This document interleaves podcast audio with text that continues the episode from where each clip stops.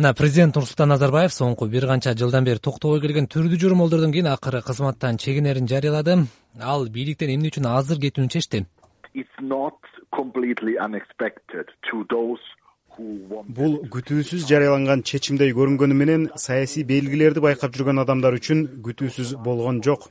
Ошентсе да бул чечим биз сыяктуу борбор азияга көз салып жаткан адамдарды таң калтырган жок деп дагы айта албайбыз.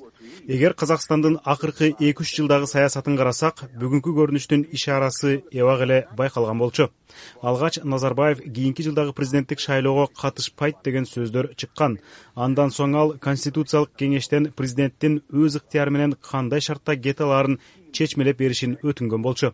Менимче соңку үч жылдан бери казак элитасы бийликтин алмашуусун ишке ашырыш үчүн мыкты башкарылган иш алып барды. Биз назарбаевден кийинки доорду тескей турган команданын түзүлгөнүн байкадык. Эгер казакстандын саясатын изилдеп көрсөңүз бүгүнкү окуяны ишке ашыруу үчүн саясий айдың туруктуу түрдө өзгөрүп келгенин байкоого болот.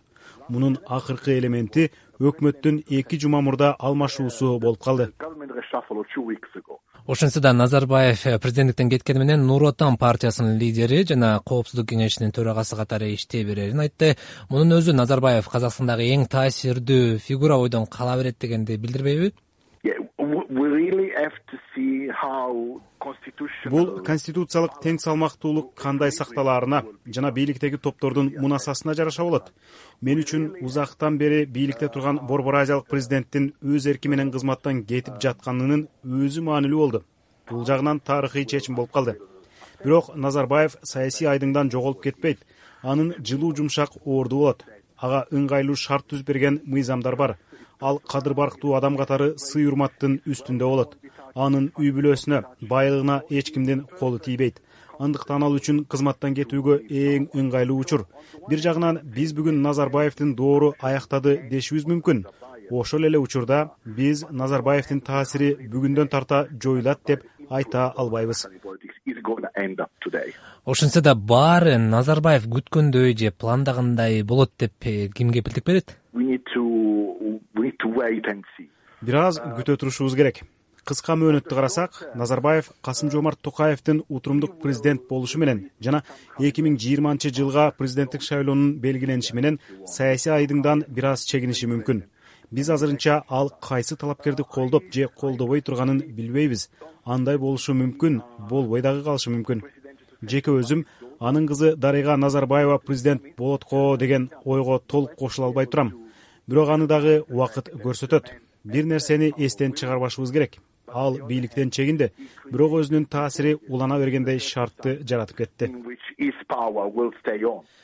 Казакстан борбор азиядагы таасирдүү мамлекет экени талашсыз эми назарбаевдин президенттиктен кетиши чөлкөмдүн саясий айдыгына кандай таасир этет?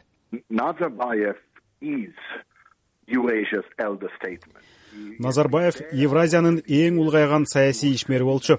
Ал казакстанды отуз жылдан бери жетектеп келди. Бийликке горбачевдун тушунда эле келген анын президенттик персона катары ишмердүүлүгү казакстанды эл аралык коомчулукка жигердүү аралаштырды. Соңку жылдары борбор азияда назарбаевдин күнү бүтүп бара жаткан лидерлигине контраст катары өзбек президенти шавкат мирзиеевдин жаңы деми жаралды казакстандын жаңы лидеринин өзбек президенти менен мамилеси кандай болот? Бул негизги суроолордун бири. Балким эки өлкөнүн чогуу иш алып барышына жол ачкан позитивдүү мамиле жаралышы мүмкүн ошол эле учурда кыйынчылыктар дагы болбой койбойт. Эң башкысы казакстанда шайлоо кандай өтөөрүн күтүп көрүшүбүз керек? Назарбаевдин жактоочулары аны көтөрө чалышып ал жаш мамлекетти бутуна тургузганын айтышат. Сынчылар болсо назарбаев өлкөдөгү эркиндикти тушап койгонун белгилешет. Бул кишинин мурасына кандай баа бересиз?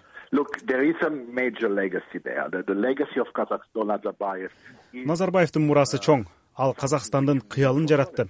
Өлкөдө орто катмардын пайда болушуна казакстандын эл аралык иштерге жигердүү катышуусуна салым кошту бирок назарбаев ал үчүн эмнени курмандыкка чалды деген суроо бар. Бул жаатта эки маселени белгилөө керек.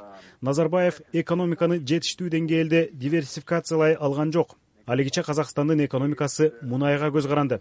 Бул узак мөөнөттүк туруктуулукту камсыздай албайт экинчиден өлкөдөгү саясий эркиндиктин деңгээли. Биз казакстанда авторитаризм күчөгөнүн цензура өкүм сүргөнүн саясий оппозиция куугунтукталганын көрдүк. Эң жакшы айтканда назарбаев карама каршылыктуу мурас калтырды. Эми казакстанды эмне күтөт? Сиз эмнени күтөсүз? Мен билбейм күтүп көрөлү. эки жагдайга көңүл бурушубуз зарыл. Биринчиден казакстандагы кийинки жылга белгиленген шайлоо эркин жана акыйкат өтөр деп үмүттөнөбүз.